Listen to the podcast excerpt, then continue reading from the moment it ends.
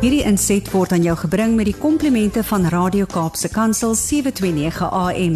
Besoek ons gerus by www.cape pulpit.co.za. Dag sy luisteraars. Ek is Erika de Tooy vanaf die Wes-Kaapse Vereniging vir persone met gestremthede. My maand is in Suid-Afrika Werkersmaand. So die vraag vandag is: kan persone met gestremthede in die oop arbeidsmark werk? Wat is jou instinktiewe antwoord op hierdie vraag? Nee? Ja, nie seker nie.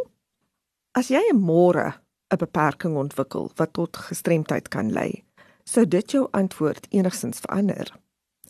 Die realiteit is dat die groter deel van die samelewing dink dat persone met beperkings nie meer kan werk nie en so word gestremdheid op vele vlakke deur die gemeenskap opgelê.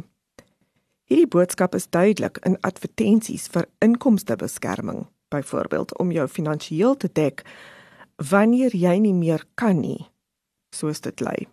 As ook die groot diskriminasie teen persone met gestremthede in die werksplek. Maar hoekom bestaan hierdie denke? Kan dit die gevolg wees van die baie jare se barmhartige Samaritane wat ingestorm het om te help en sodoende die persoon se lewe oorgeneem. Of dalk die persone met gestremthede selfs wat by verkeersligte en buite winkelsentrums bedel. Hierdie is seker moontlike redes, maar ek vermoed dit het meer met kultuur en opvoeding te doen.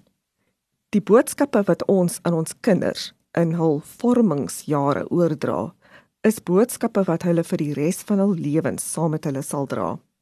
Om kinders te leer om ander te respekteer, maak nie saak hoe anders hulle lyk nie. Sal 'n samelewing skep wat diversiteit vier en elke persoon werklik gelyk behandel.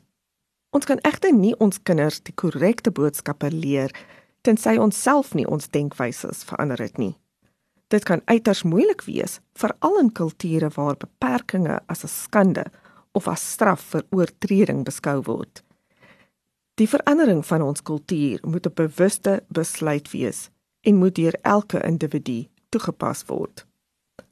Daar is baie persone met beperkings wat suksesvol in diens geneem word, selfs diegene wat al eie besighede begin het. Maar daar is ook baie wat nie werk kan kry nie, aangesien mense hul beperking eers te sien en hul bevoegdheid daarvolgens beoordeel. Kom ons kyk na 'n hoogs bekwame manlike masseerterapeut met ondervinding in van Suid-Afrika se beste 5-ster hotelle. Hy is ook blind. Sy vorige werkgewer is insolvent verklaar en sedertdien het hy die afgelope 2 jaar deur die land gereis om werk te kry sonder sukses.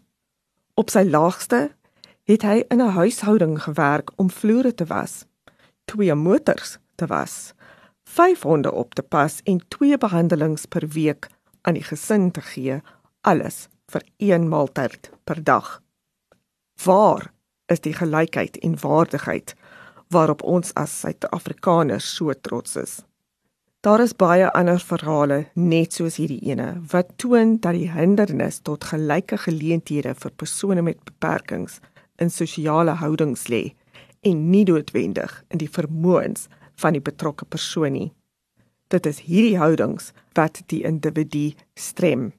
So laat ons diep binne onsself kyk om te sien hoe ons ander mense beskou en beloof onsself om die manier waarop ons met hulle omgaan te verander. Ons sal onsself oopstel vir alles wat hulle het om te bied en dit kan ons denke dalk totaal verander.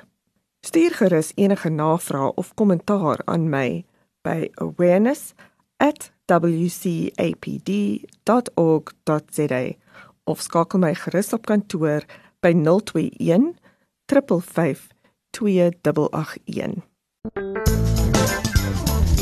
Hierdie inset was aan jou gebring met die komplimente van Radio Kaapse Kansel 729 AM. Besoek ons gerus by www.cape pulpit.co.za.